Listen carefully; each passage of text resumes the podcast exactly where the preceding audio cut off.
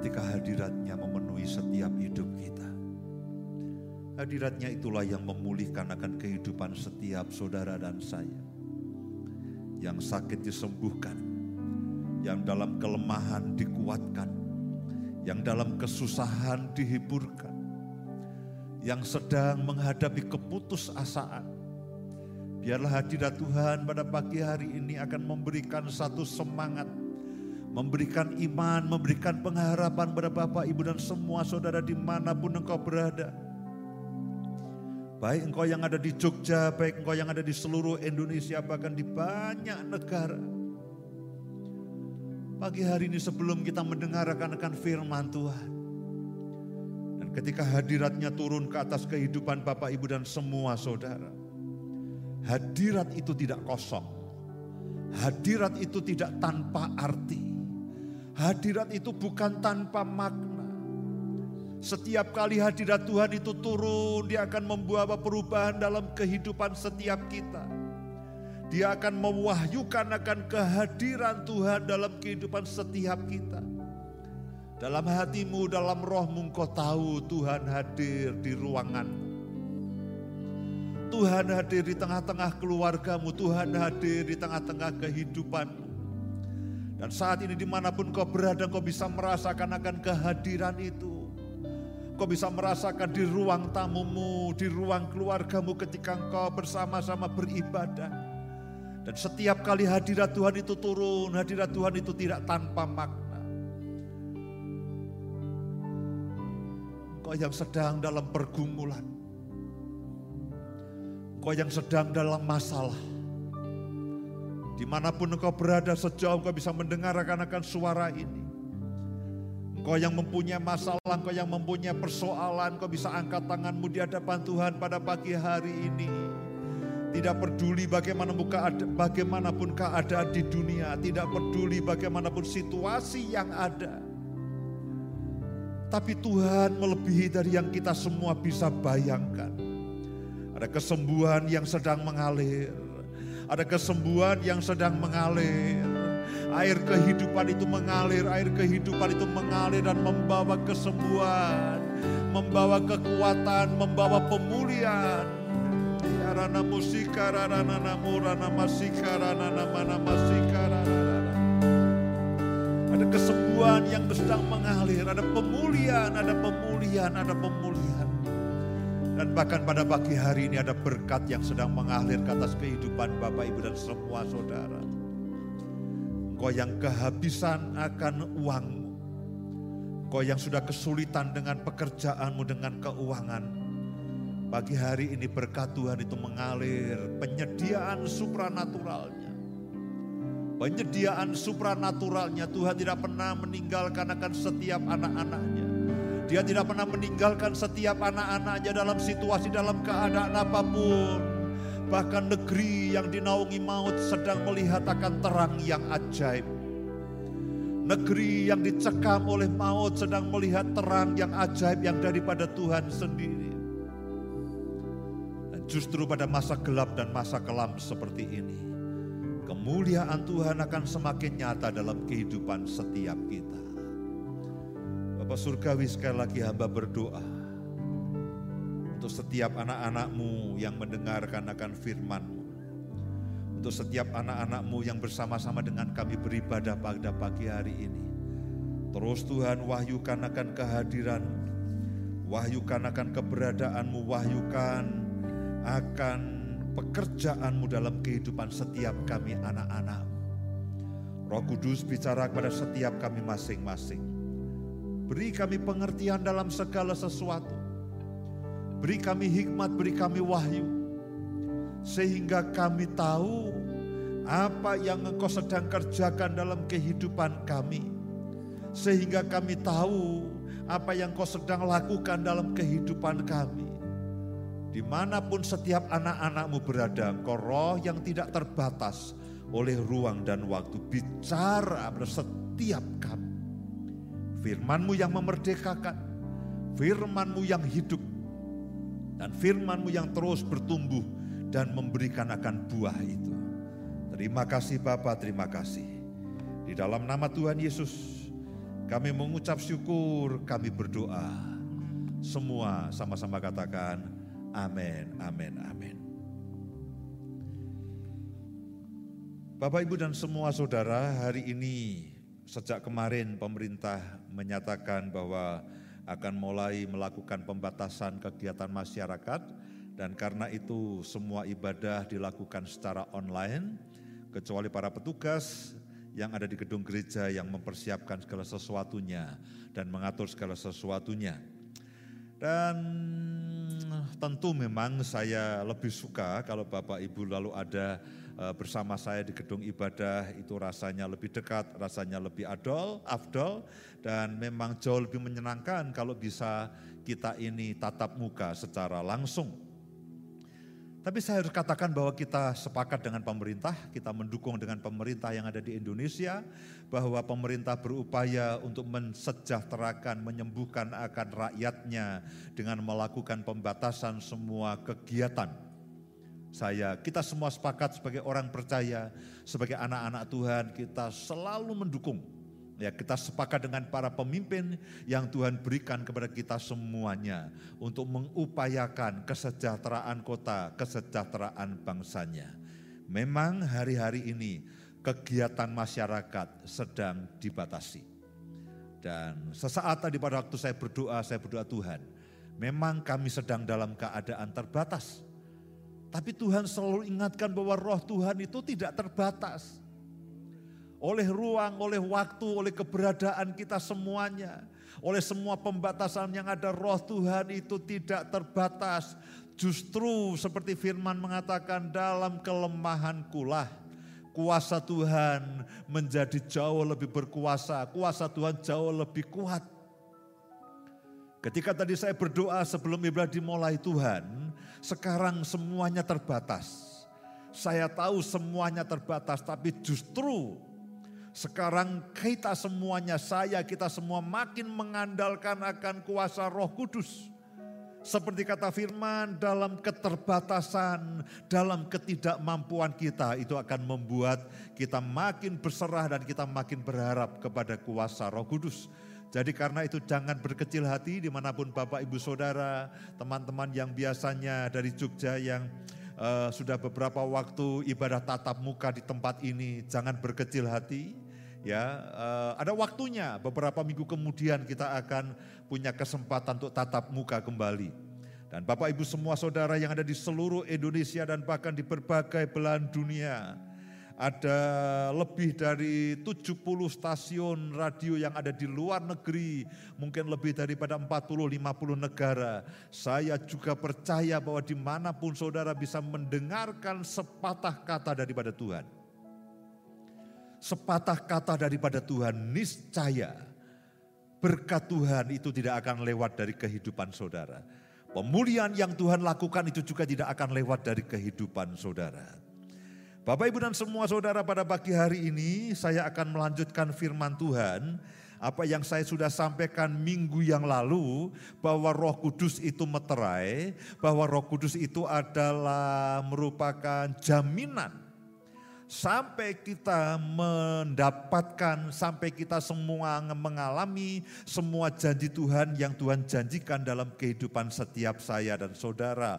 Roh Kudus itu adalah meterai. Meterainya bukan yang lainnya. Meterainya bukan kekayaan. Meterainya bukan sesuatu yang duniawi. Meterainya itu adalah Roh Kudus sendiri dan Roh Kudus juga meterai dan jaminan sampai saya dan saudara menerima seluruhnya, semua yang Tuhan janjikan dalam kehidupan saudara dan saya, semua rencana Tuhan, semua panggilan Tuhan, sampai semua destiny yang Tuhan tetapkan, itu Roh Kudus memastikan, memeteraikan akan panggilan itu, Roh Kudus memeteraikan akan destiny itu, dan Roh Kudus itu menjadi jaminan menjadi tanda jadi, menjadi persekot, menjadi satu DP, down payment untuk saya dan saudara. Memang belum semua, belum semua rencana Tuhan dan janji Tuhan itu terjadi atas kehidupan saya dan saudara. Memang kita semua sedang bertumbuh, Kita semua sedang belajar dari waktu ke waktu kita sedang mengalami perbuatan Tuhan yang ajaib. Saya dan saudara belum mengalami semua janji Tuhan. Saya dan saudara belum mencapai panggilan Tuhan. Saya dan saudara belum mencapai kodrat ilahinya. Saya dan saudara belum mencapai akan destiny yang Tuhan tetapkan. Iya. Lalu saudara akan bertanya, Pak, lalu jaminannya apa? Ini situasi makin sulit keadaan makin tidak menentu. Banyak orang bingung, banyak para pejabat bingung karena memang susah diprediksi. Jaminannya apa? Jaminannya adalah Roh Kudus sendiri.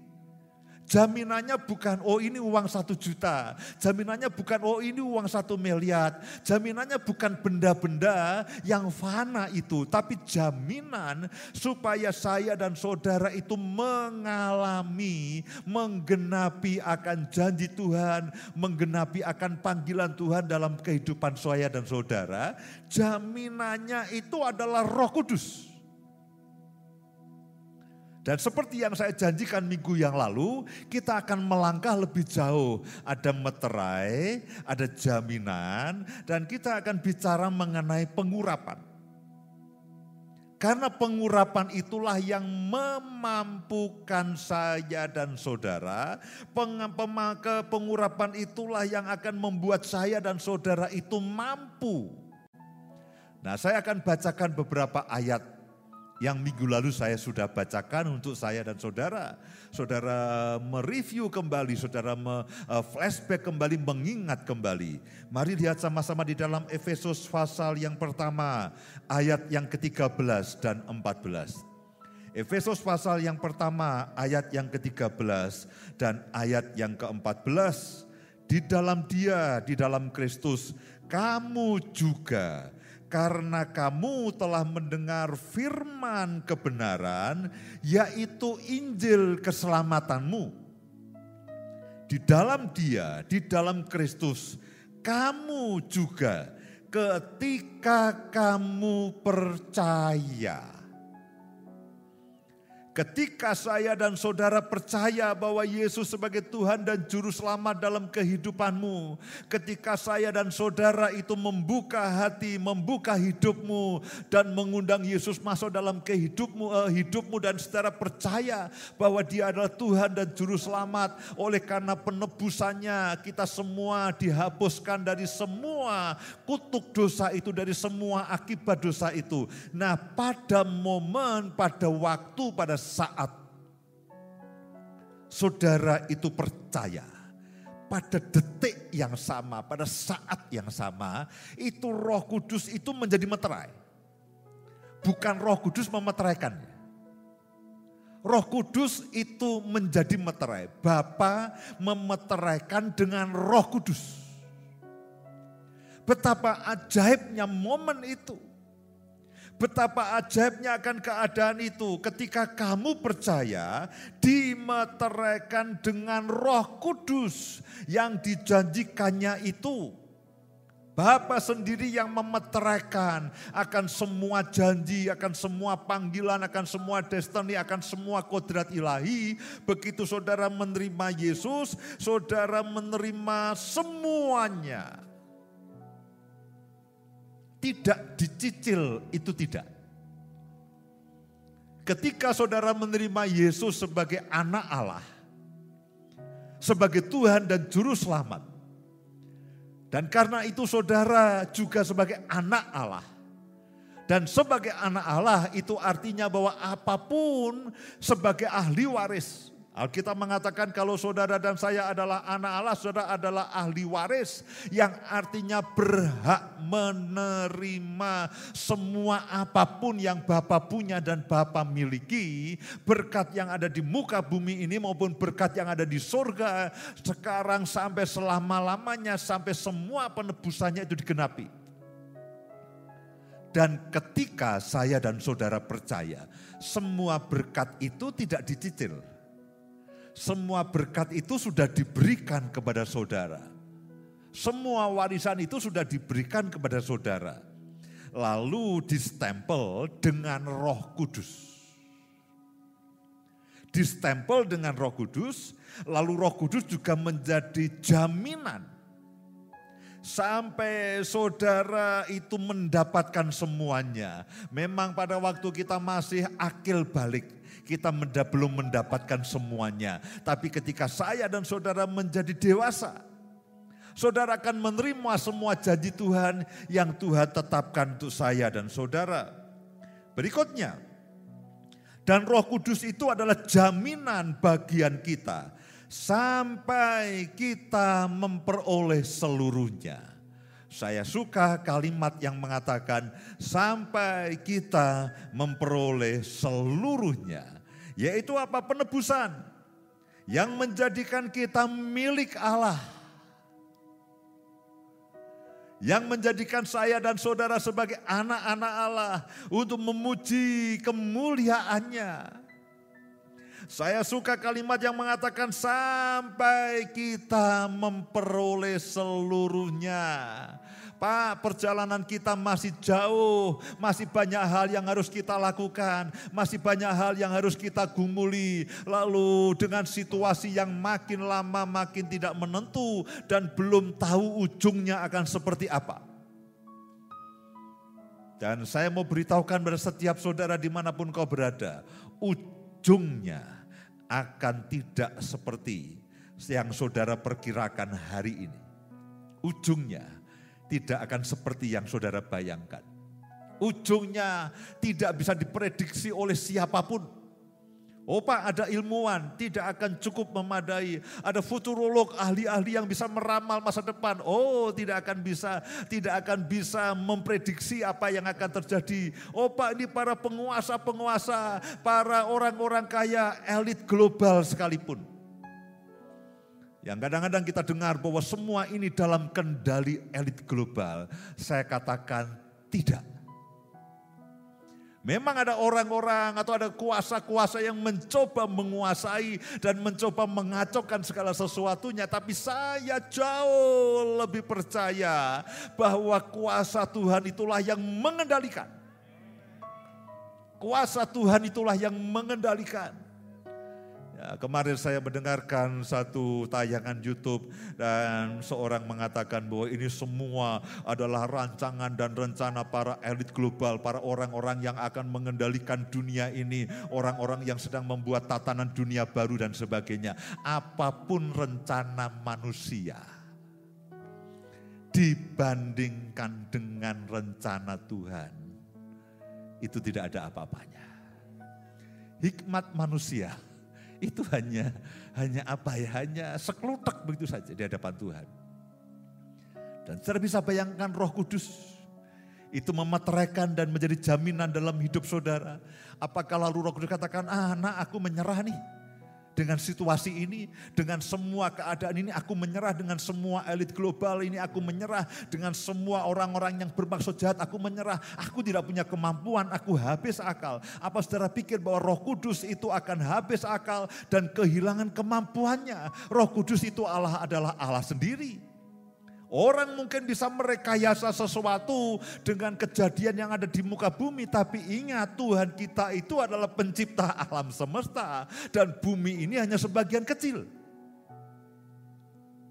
Saya, saya ingin mengatakan bahwa mari percaya kepada Tuhan jauh lebih dibandingkan dengan semua yang dirancangkan oleh manusia.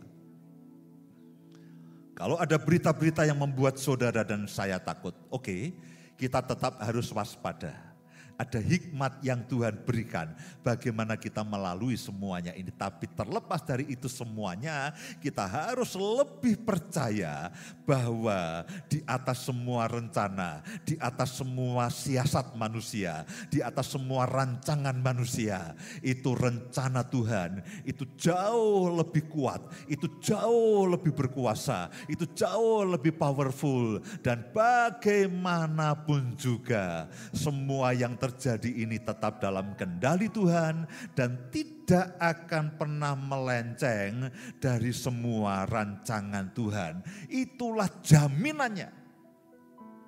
Dan jaminannya apa? Roh Kudus yang Tuhan taruh, yang Bapak taruh dalam kehidupan setiap saya dan saudara, itu memberikan satu sinyal yang lain. Ada sinyal ketakutan yang dunia coba sebarkan, ada sunda sinyal-sinyal yang lain yang coba dunia itu sedang apa masukkan dalam kehidupan kita. Tapi di sini ada satu transponder, di sini ada ada sinyal yang daripada Tuhan sendiri. Roh Kudus itulah yang terus menolong saya dan saudara.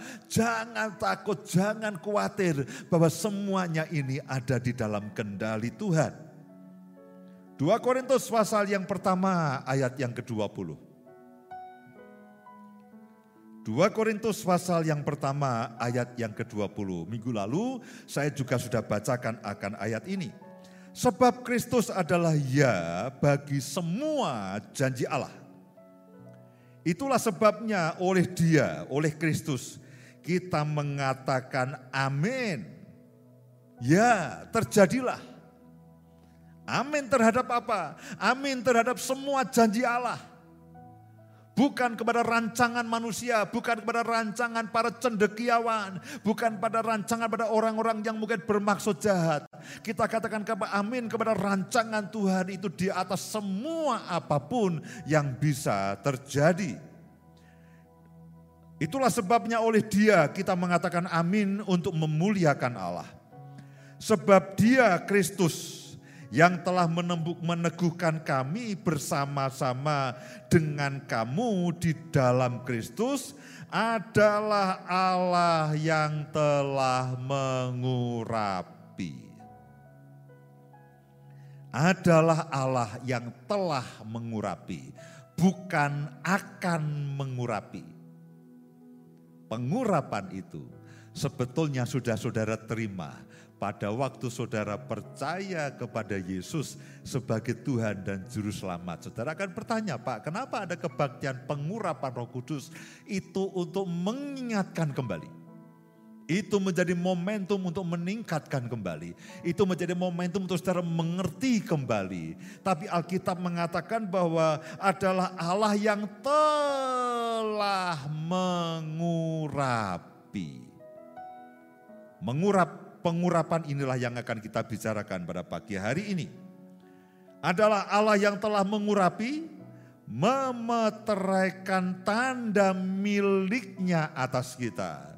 Dan yang memberikan roh kudus dalam hati kita sebagai jaminan dari semua yang telah disediakan untuk kita. Saya berharap Bapak Ibu dan semua saudara di mana pun berada, perhatikan kelima ayat ini. Efesus pasal yang pertama, ayat yang ke-13 dan ke-14. 2 Korintus pasal yang pertama, ayat yang ke-20, 21 dan 22. Kalau perlu saudara beri catatan khusus, saudara kopi, saudara salin, masukkan ke dalam HP saudara, ucapkan setiap hari ini adalah janji Tuhan untuk saya dan saudara. Gampang saudaraku, Efesus 1 ayat 13 dan 14. 2 Korintus 1 ayat 20, 21 dan 22. Karena ini ayat memberikan satu jaminan. Ayat ini memberikan satu meterai yang kuat dalam kehidupan kita.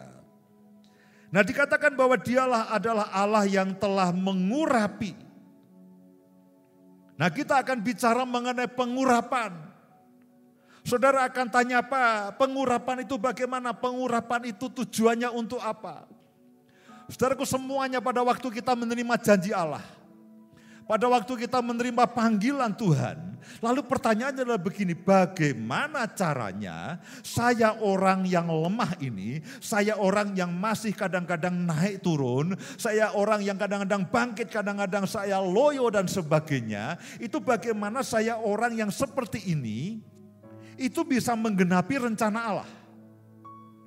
Sedangkan rencana Allah itu sangat amat terlalu ajaib. Nah itu pertanyaan besar. Ada jarak yang sangat besar antara kemampuan saya dan saudara sebagai manusia belaka ini yang masih mempunyai banyak kelemahan dibandingkan dengan keajaiban kasih karunia dan keajaiban panggilan Tuhan, itu jaraknya itu jauhnya luar biasa, ibarat bumi dan langit. Satu kali Paulus memberikan gambaran betapa ajaibnya akan panggilan Tuhan. Dalam Efesus pasal yang pertama ayat yang ke-18 dan 19. Kitab Efesus ini kitab yang ajaib saudaraku. Saudara harus baca. Dan sebetulnya semua kitab itu ajaib. Efesus pasal yang pertama ayat yang ke-18. Perhatikan ini doa Paulus untuk jemaat. Dan supaya ia menjadikan mata hatimu terang. Agar kamu mengerti pengharapan apakah yang terkandung dalam panggilannya Betapa kayanya kemuliaan bagian yang ditentukannya bagi orang-orang kudus. Betapa hebat kuasanya bagi kita yang percaya sesuai dengan kekuatan kuasanya. Paulus berdoa dia sadar tidak semua orang dan mengerti itu bisa memahami dan mengerti kemuliaan panggilan Tuhan. Rencana Tuhan yang ajaib dan agung. Paulus bisa mengerti bahwa semua tidak semua orang itu bisa mengerti. Boro-boro kita mengerti bagaimana menggenapinya. Untuk memahami saja, itu tidak mudah. Kemuliaan panggilan. Kemuliaan panggilan. Pengharapan apakah yang terkandung dalam panggilannya dan betapa kayanya kemuliaan bagian yang ditentukan bagi saya dan saudara. Ayat-ayat ini seperti tidak terjangkau oleh manusia pengertian hikmat manusia tidak pernah menjangkau akan keajaiban daripada panggilan Tuhan dan kemuliaan yang dia sediakan itu betul-betul di luar pemikiran kita, di luar hikmat kita, di luar jangkauan imajinasi kita. Karena itulah Paulus juga katakan dia yang sanggup melakukan jauh lebih besar dibandingkan dari segala yang bisa kita pikirkan dan doakan. Di dalam Efesus pasal yang ketiga ayat yang ke-20 dikatakan dia sanggup melakukan jauh lebih besar dari yang bisa kita pikirkan dan kita doakan.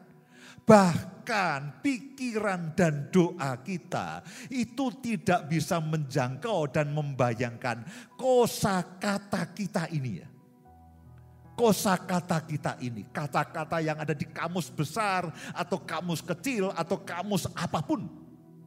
Itu kata-kata kita. Itu tidak bisa menggambarkan secara detail akan kemuliaan panggilan. Akan betapa dahsyatnya kasihnya. Akan betapa dahsyatnya segala sesuatu yang dia sediakan bagi kita. Itu tidak ada satupun kata-kata dan bahasa yang bisa mengungkapkannya. Karena itu dia katakan, dia yang sanggup melakukan jauh lebih besar dari yang saudara bisa katakan, pikirkan, dan doakan. Pertanyaannya, Pak, saya ini manusia lemah. Saya masih bingung kadang-kadang. Saya masih jatuh bangun dalam dosa. Saya masih khawatir. Saya masih cemas Pulang ke rumah saya masih ribut dengan istri dengan anak-anak. Bekerja saya juga tidak terlalu pandai. Saya bukan dari keluarga kaya yang bisa menyekolahkan saya di pendidikan yang sangat bagus. Pendidikan saya sederhana. Saya bukan siapa-siapa. Pertanyaannya, bagaimana saya dan saudara yang bukan siapa-siapa ini lalu bisa menggenapi rencana Allah yang ajaib. Bisa menggenapi panggilan Tuhan yang dahsyat itu. Bisa menggenapi janji-janjinya yang tidak masuk akal manusia itu. Hanya ada satu cara. Tuhan telah katakan, dia yang telah mengurapi saya dan saudara. Dengan apa? Dengan roh kudus. Dengan roh kudus. Roh Kudus itulah yang akan menolong saya dan saudara. Roh Kudus yang ada di dalam kehidupan saya dan saudara, Saya akan coba terangkan mengenai pengurapan ini dengan bahasa yang paling sederhana supaya saudara mudah mengingatnya dan sudah eh, memahaminya. Contoh begini, contoh begini. Uh, mobil sekarang itu cc-nya lebih kecil. cc-nya lebih kecil. Uh, ada yang 1500, ada yang 2000 dan sebagainya. Caranya bagaimana? Kalau dulu ada mobil diesel katakanlah yang cc-nya 3000, 3500. Sekarang ada cc yang lebih kecil. Uh, dimensinya, kubikasi dari mesinnya lebih kecil. Mungkin ada yang 1800. Nah caranya bagaimana? Mesin yang kubikasinya lebih kecil, 1,8 liter bisa menyaingi tenaga yang katakanlah 3 liter 1,8 bagaimana bisa caranya bisa menyaingi tenaga yang 3 liter. Caranya adalah dengan diberi turbo. Nah ketika diberi turbo yang 1800 cc itu kekuatannya, powernya, kemampuannya bisa menyaingi yang 3000 cc. Dengan diberi apa? Diberi turbo. Kalau ini tidak diberi turbo, sampai kapan pun yang 1800 tidak bisa menyaingi yang 3000 cc. Secara paham ya dari sini ya. Nah demikian juga kalau mesin yang kecil diberi turbo, mesin itu bisa menyaingi yang cc-nya lebih besar. Nah saya dan saudara yang tidak seberapa, yang tidak tahu apa-apa, yang kemampuannya terbatas, yang pendidikannya terbatas, yang hikmatnya juga tidak seberapa, kalau diberi pengurapan roh kudus. Meterai, tanda jadi, diurapi dengan roh kudus. Artinya roh kudus itu yang mengendalikan hidup saudara. Niscaya saya dan saudara yang tidak seberapa ini. Entah bagaimana caranya. Tiba-tiba saudara diberi hikmat. Saudara diberi kemampuan sehingga saudara mampu melakukan sesuatu sesuai dengan panggilan Tuhan. Bukan saya dan saudara yang lebih hebat, tapi Roh Kuduslah yang melakukan dalam hidup saudara dan melalui hidup saudara. Mesin yang 1800 tetaplah 1800, mesinnya tidak membesar. Tetapi ketika diberi turbo, mesin ini akan punya kemampuan seperti mesin yang 3000 cc. Mesinnya tetap 1800, yang memperkuat adalah turbonya tadi. Demikian juga dengan saya dan saudara. Saudara adalah tetap saudara, saya adalah tetap saya. Tetapi ketika pengurapan roh kudus itu bekerja dalam kehidupan saya dan saudara. Saudara seperti mesin 1800 yang diberi turbo yang kemampuannya sama dengan mesin yang kekuatannya, yang kubikasinya adalah 3000 cc. Contoh Contoh ini akan menolong saudara memahami dan mengerti bagaimana cara kerja dan bagaimana kondisi daripada orang yang diurapi. Di dalam 1 Samuel pasal yang ke-16 ayat yang ke-12 dan 13. Ini pada waktu Samuel disuruh Tuhan untuk mengurapi Daud menjadi raja. 1 Samuel pasal yang ke-16 ayat yang ke-12. Kemudian disuruh nyala menjemput dia yaitu Daud. Dia sedang menggembalakan kambing domba. Kakak-kakaknya yang tentara, yang perwira tidak masuk hitungan. Tapi Daud ini si kecil yang sedang menggembalakan kambing domba. Dikatakan begini, dia kemerah-merahan, matanya indah, dan parasnya elok. Lalu Tuhan berfirman kepada Samuel, bangkitlah, urapilah dia, sebab inilah dia. Samuel mengambil tabung tanduk yang berisi minyak itu. Pengurapan dilambangkan dengan minyak. Pak, apakah saya masih perlu setiap kali saya mengoleskan minyak? Boleh. Itu untuk mengingatkan saudara. Tapi kalau saya saudara bertanya, Pak sebetulnya kapan pengurapan itu turun? Pada waktu saudara terima Yesus sebagai Tuhan dan Juru Selamat. Ayat tadi yang kita baca. Pengurapan setiap hari itu hanya mengingatkan dan menolong. Bukan berarti, wah tadi pagi saya lupa pengurapan. Lu siapa yang lupa? Tidak ada yang lupa. Roh Kudus itu sudah ada di dalam kehidupan, pengurapan itu sudah ada. Oh kadang-kadang saya dan keluarga saya melakukan pengurapan itu untuk mengingatkan, mengingatkan, mengingatkan. Bukan lalu pada waktu itu turun, itu bukan. Sudah turun pada waktu saya terima Yesus sebagai Tuhan dan Juru Selamat. Itu hanya mengingatkan. Dikatakan begini, Samuel mengambil tabung tanduk yang berisi minyak dan mengurapi Daud di tengah-tengah saudaranya. Sejak hari itu dan seterusnya berkuasalah roh Tuhan atas Daud. Lalu berangkatlah Samuel menuju Rama. Pengurapan itu artinya adalah berkuasalah roh Tuhan atas Daud. Pengurapan itu artinya berkuasalah roh Tuhan atas saya dan saudara. Kalau tadi adalah meterai, itu kepastian. Eh, kemudian jaminan, itu juga sebuah jaminan sampai saudara menggenapi semuanya. Nah sekarang adalah pengurapan itu adalah berkuasalah roh Tuhan atas saya dan saudara. Itulah pengurapan. Dan ketika saya dan saudara katakan, Pak itu sudah atau belum belum sudah. Kapan? Sejak saudara dan saya terima Yesus sebagai Tuhan dan Juru Selamat. Dimeteraikan, diberi jaminan, diurapi.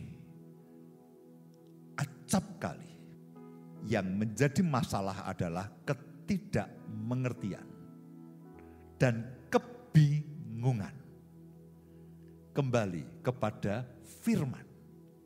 Iman saya dan saudara harus berdasarkan firman, bukan berdasarkan pengalaman semata, bukan berdasarkan tanda-tanda semata. Lupa, saya pernah didoakan orang diurapi. Pada waktu itu saya bergetar. Oh, itulah Pak, pada waktu saya bergetar. Tapi sekarang sudah tidak getar. Mungkin pengurapan itu sudah aus Nah saya harus ingatkan saudara, iman saudara tidak boleh bergantung kepada tanda-tanda lahiriah. Iman saya dan saudara harus berdasarkan firman. Tanda-tanda lahiriah itu hanya meneguhkan dan mengingatkan dan memberikan momentum.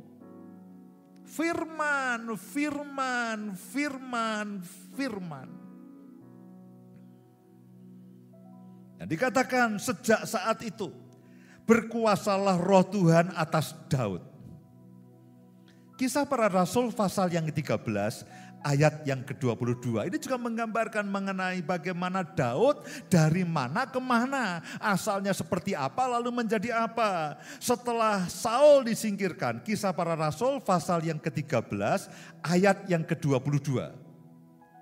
Setelah Saul disingkirkan, Allah mengangkat Daud yang adalah gembala di padang gurun menjadi raja mereka.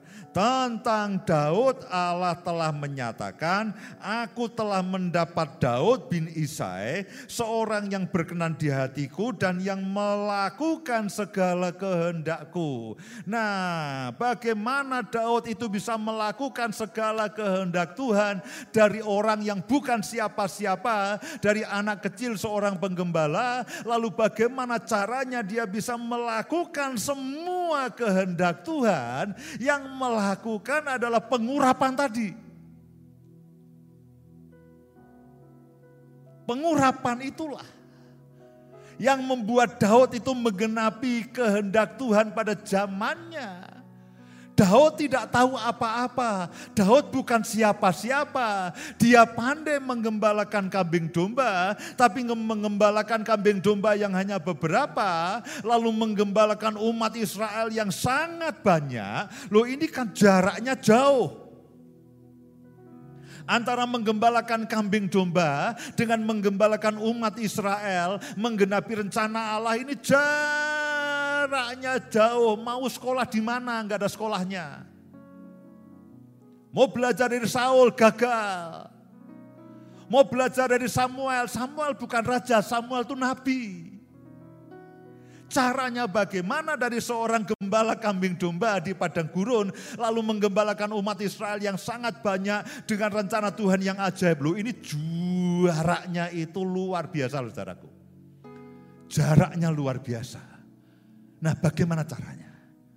Pengurapan. Dikatakan sejak hari itu roh kudus berkuasa. Nah bayangkan pengertian ini masuk dalam hidup saudara di mana pun kau berada. Sebetulnya sejak engkau terima Yesus, engkau punya kesempatan. Roh Kudus itu berkuasa atas hidupmu, menguasai pikiranmu, menguasai hatimu, menguasai perasaanmu. Roh Kudus dengan semua manifestasinya itu siap untuk dicurahkan dalam kehidupan saudara. Ketidaktahuan, ketidakmengertian, kebingungan dan ketidakpercayaan itulah yang acap kali membuat kita jadi tidak bisa dan kita tidak mengerti. Contoh lain. Saul. 1 Samuel pasal yang ke-10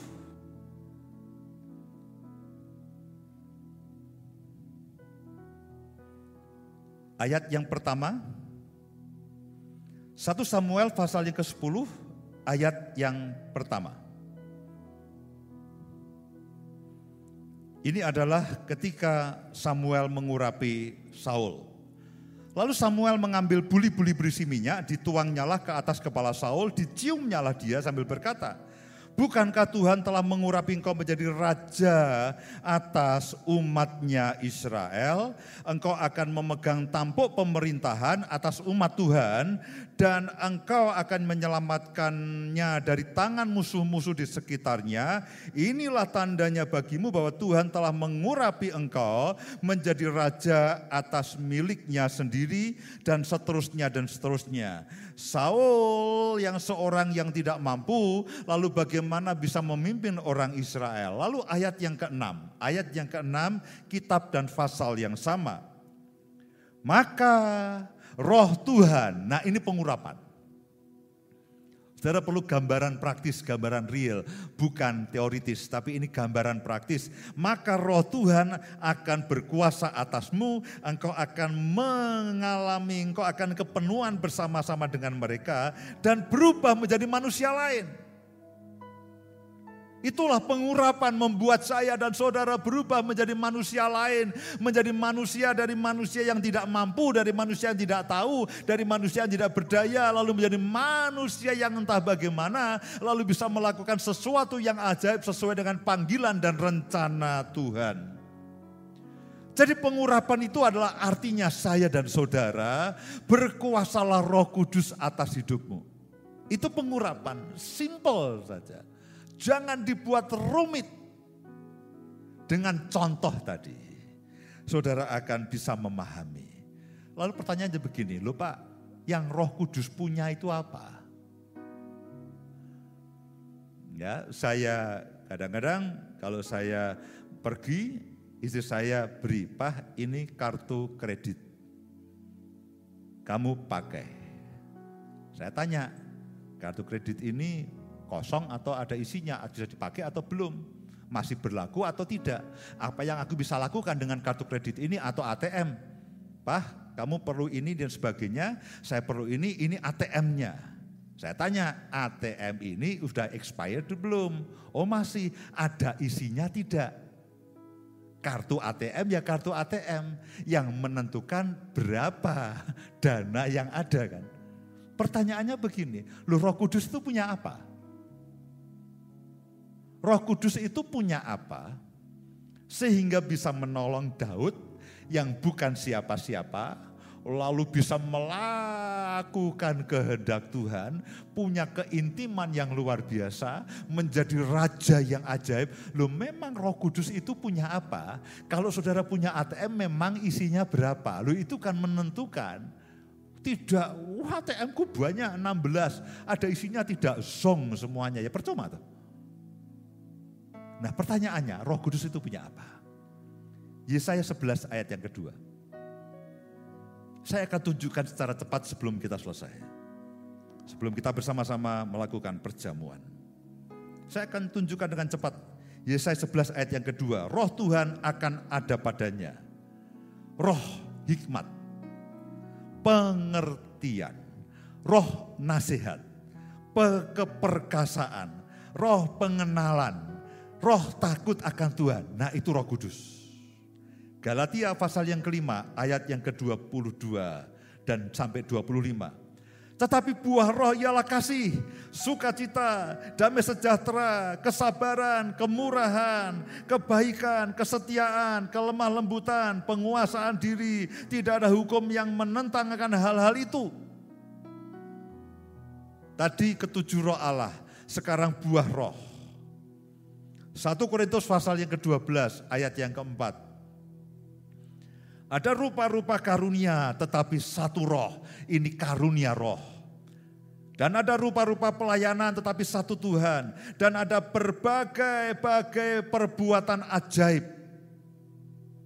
Tetapi Allah adalah satu yang mengerjakan semuanya dalam semua orang tetapi pada tiap-tiap orang dikaruniakan pernyataan roh untuk kepentingan bersama. Sebab kepada yang seorang roh memberikan karunia untuk berkata-kata dengan hikmat dan kepada yang lain roh yang sama memberikan karunia-karunia berkata-kata dengan pengetahuan, kepada yang seorang roh yang sama memberikan iman, dan kepada yang lain yang memberikan karunia untuk menyembuhkan, kepada yang seorang roh memberikan kuasa untuk mengadakan mujizat, dan kepada yang lain yang memberikan karunia untuk bernubuat, dan kepada yang lain lagi yang memberikan karunia untuk membedakan bermacam-macam roh, kepada yang seorang yang memberikan karunia untuk berkata-kata dengan bahasa roh, dan kepada yang lain yang memberikan karunia untuk menafsirkan bahasa bahasa roh itu, tetapi semuanya dikerjakan oleh roh yang satu dan yang sama yang memberikan karunia kepada tiap-tiap orang secara khusus seperti yang dikehendakinya. Kalau saudara bertanya, ATM tadi isinya berapa? Itu menentukan apa yang saudara bisa beli dengan kartu ATM itu. Saudara bertanya, lalu kalau roh itu memimpin saya, memang roh itu punya bisa apa? Dia punya buah, dia punya roh, dan bahkan ketujuh roh Allah itu juga dimanifestasikan lewat roh kudus dalam kehidupan saya dan saudara. Dan itu lebih dari cukup. Itu lebih dari cukup dari apa pun yang saya dan saudara butuhkan dari saya dan saudara yang bukan siapa-siapa, lalu menggenapi rencana Allah yang ajaib. Amin. Ayat yang terakhir. Pertanyaannya, Pak, bagaimana caranya supaya pengurapan itu berjalan dalam kehidupan saya, bekerja dalam kehidupan saya? Galatia pasal yang kelima, ayat yang ke-24. Galatia pasal yang kelima ayat yang ke-24 dan 25. Barang siapa menjadi milik Kristus Yesus, saudara sudah distempel, saudara sudah dimeterai, saya dan saudara adalah milik Kristus Yesus. Dia telah menyalibkan daging dengan segala hawa nafsu dan keinginannya. Perhatikan baik-baik. Statement berikutnya ini akan menutup pada pagi hari ini. Jikalau kita, saya dan saudara hidup oleh roh. Baiklah, hidup kita juga dipimpin oleh roh.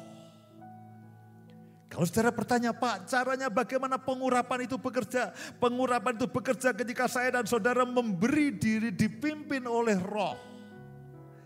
Itu artinya saudara harus haus akan roh kudus. Saudara dengar dengaran akan roh kudus. Saudara belajar mentaati apa pun yang roh kudus bisikkan dalam kehidupan saudara. Kalau saya dan saudara sudah hidup oleh roh.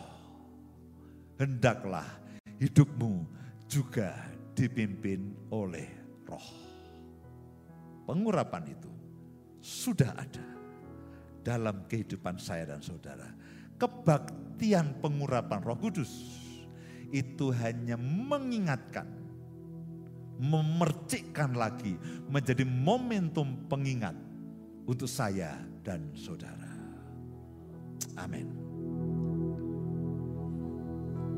Kita akan meteraikan firman Tuhan, kebenaran firman Tuhan pada hari ini dengan perjamuan. Bapak, Ibu, dan semua saudara yang ada di rumah, siapkanlah roti dan anggur. Setiap minggu pertama dari setiap bulan, kita akan selalu mengadakan perjamuan. Karena itu, siapkanlah setiap awal bulan, minggu pertama dari setiap bulan, kita akan melakukan perjamuan.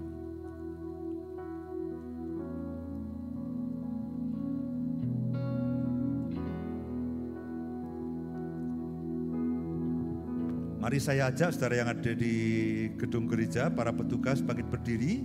Saudara yang di rumah juga saudara bangkit berdiri, kita angkat akan perjamuan kita. Kan ku angkat tubuh dan darahmu di hadapanmu Yesus penebusku sebagai perjanjian yang abadi. Engkau di dalamku dan ku di dalammu. Kan ku angkat tubuh dan darahmu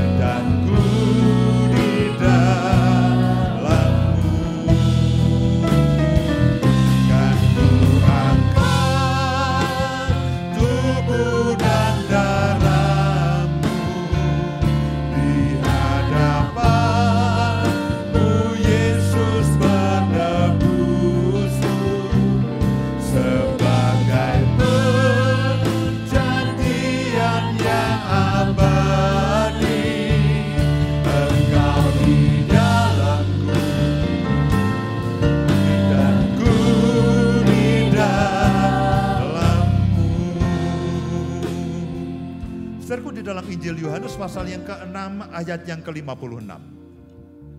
Barang siapa makan dagingku dan minum darahku, ia tinggal di dalam aku dan aku di dalam dia. Saudaraku perjanjian tubuh dan darah Yesus ini adalah segala-galanya. Semua perjanjian yang Tuhan pernah berikan kepada umat manusia. Itu kalau dirangkum jadi satu itu kalau diringkas jadi satu. Itu adalah perjanjian tubuh dan darah. Kenapa dikatakan begini? Setiap kali kau makan tubuh dan darah Yesus, Kau sedang memperingati akan kematian Yesus yang artinya apa? Setiap kali kau makan dan minum darah Yesus dikatakan bahwa ia tinggal di dalam aku. Saya dan saudara tinggal di dalam Kristus. Dan Kristus tinggal di dalam saya dan saudara. Itu sudah segala-galanya. Dan semua yang saudara dengar, setiap firman yang saudara dengar, itu akan dikunci itu akan dimeteraikan dengan tubuh dan darah Yesus. Kan ku angkat tubuh dan darahmu di hadapanmu Yesus penebusku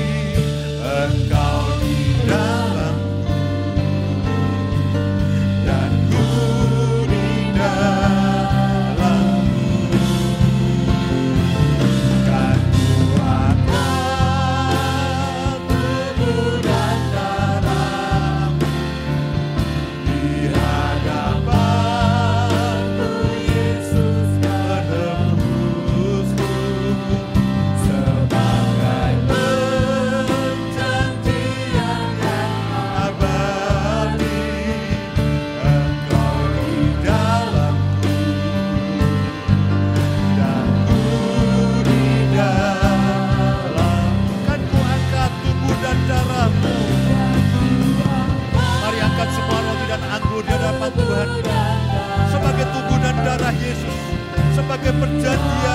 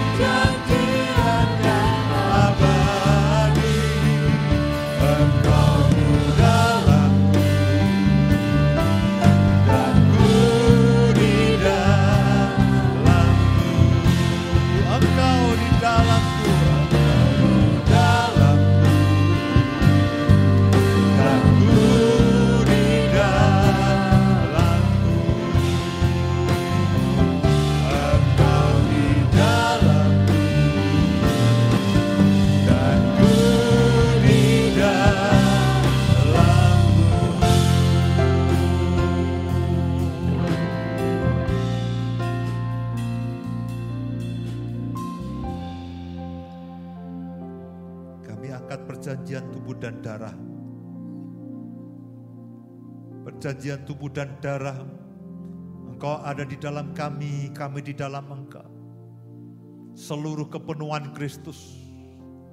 Kemuliaan Kristus ada di dalam kehidupan kami. Berkat rohani, berkat jasmani. Berkat keuangan, semua pelayanan, semua pekerjaan dipenuhi dengan kemuliaan-Mu ya Tuhan. Yang kau punya, yang kau miliki itu juga menjadi milik kami. Karena kami adalah anak-anak Allah. Kami adalah ahli waris dan kami berhak atas semua janji-janjimu yang besar dan ajaib. Dan kami di dalam engkau, kami di dalam perlindunganmu yang sempurna. Kami ada di dalam naungan sayapmu. Kami ada di dalam penyertaanmu dan pimpinanmu yang sempurna itu Tuhan. Karena itu dengan iman di dalam nama Tuhan Yesus, mari makan dan minum sama-sama.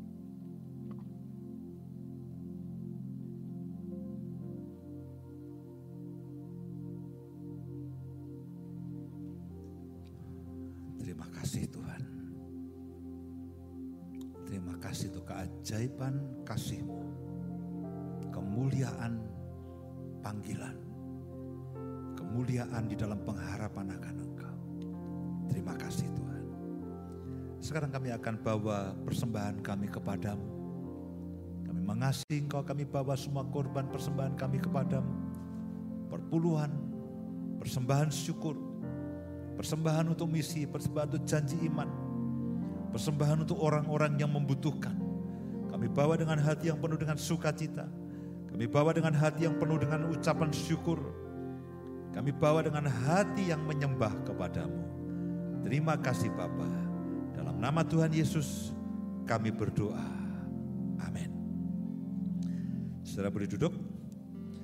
Bapak Ibu yang mengikuti ibadah secara online, saudara bisa perhatikan bagaimana cara memberikan persembahan dengan internet banking, dengan uh, online banking, dengan semua digital payment, dengan semua cara-cara pembayaran secara digital. Kemudian bagi Bapak Ibu yang mengikuti ibadah lewat radio, saya akan bacakan nomor rekening BCA atas nama GKKD Glory of God Yogyakarta. Rekening BCA 017 121 7007 017 017 121 7007 atas nama GKKD Glory of God Yogyakarta nomor rekening BCA. Satu pengumuman yang saya ingin sampaikan kepada Bapak Ibu dan semua saudara, terutama adalah Bapak Ibu saudara yang sudah berkeluarga dan punya anak dengan usia rentang usianya 4 tahun sampai dengan 13 tahun. 4 tahun sampai dengan 13 tahun kita akan ada seminar mendidik anak pada tanggal 8 Juli, tanggal 15, tanggal 22, tanggal 29, dan tanggal 5 Agustus. Kita buat berseri dengan tujuan Bapak Ibu akan tahu kebenaran firman mengenai bagaimana cara mendidik anak dengan usia di rentang 4 tahun sampai dengan 13 tahun kalau saudara Pak, saya punya anak di luar rentang usia itu, bolehkah saya ikut? Boleh. Sebagai bekal tambahan, boleh. Tapi semua topik akan dikhususkan untuk anak dengan usia itu. Tapi sekali lagi boleh kalau Bapak Ibu, Pak anak saya 14 tahun. Tapi pada waktu umur 4 sampai 13 tahun tidak terpelihara dengan baik. Apakah saya punya kesempatan untuk memperbaikinya? Punya.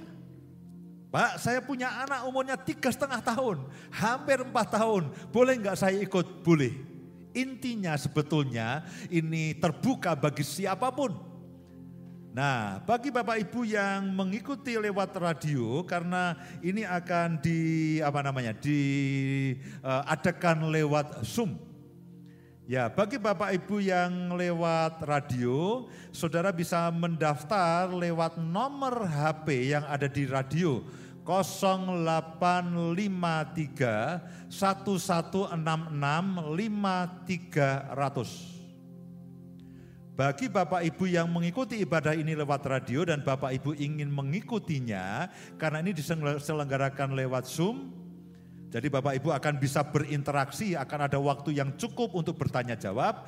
Bapak Ibu bisa mendaftar kepada Eh, Mas Anton dengan nomor telepon atau nomor WA 0853 1166 5300 0853 1166 5300. Kenapa saudaraku kita adakan akan seminar ini? Bapak Ibu saudara sekalian, anak-anak bagaimanapun juga karena ini anak-anak kan masih belajar online dan semua harus tinggal di rumah, bekerja dari rumah. Artinya Bapak Ibu akan ketemu dengan anak-anak Bapak Ibu sekalian setiap hari. Dan mau tidak mau, saudara harus menjadikan rumah itu sebagai rumah rohani dan rumah belajar. Rumah belajar, kita harus mulai mempersiapkan bagaimana supaya anak-anak itu bisa belajar mandiri di rumah Nah karena itulah kita ingin membekali para orang tua untuk mempersiapkan rumah itu sebagai rumah belajar dan juga rumah rohani. Karena ibadah anak-anak pun juga sementara ini juga ditiadakan. Dan andai kata ada pun juga secara online. Jadi semuanya akan dikembalikan kepada uh, di rumah. Karena itulah kita ingin membekali, kita ingin memperlengkapi sebagai rumah belajar dan rumah rohani. Saya rasa tidak ada pengumuman yang lainnya. Bagi Bapak Ibu yang mengikuti lewat YouTube, Bapak Ibu ada nomor di situ yang Bapak Ibu bisa save dan bisa mendaftar kepada Ibu Indri atau Ibu Tata. Baik, mari semuanya bangkit berdiri. Sekali lagi seminar mendidik anak ini akan dimulai hari Kamis ini, tanggal 8. Jadi pendaftaran masih terbuka untuk Bapak, Ibu, dan semua saudara. Mari sekali lagi angkat kedua tangan Bapak Ibu sekalian dan terimalah berkat Tuhan. Meterai dan jaminan dan pengurapan dari Bapa sendiri di dalam roh kudus itu akan menjadi kenyataan dalam kehidupan saudara dan saya. Itu akan bekerja itu akan bekerja, materai itu akan bekerja, jaminan itu akan bekerja, pengurapan itu akan bekerja, sampai semua rencana Allah yang ajaib, sampai semua panggilan Tuhan yang ajaib itu digenapi dalam kehidupan setiap saudara. Terimalah semua yang baik yang daripada Tuhan. Perlindungan Tuhan yang sempurna atas kehidupan Bapak, Ibu, dan semua saudara. Terima kasih Tuhan. Dalam nama Tuhan Yesus kami berdoa. Amin. Tuhan memberkati.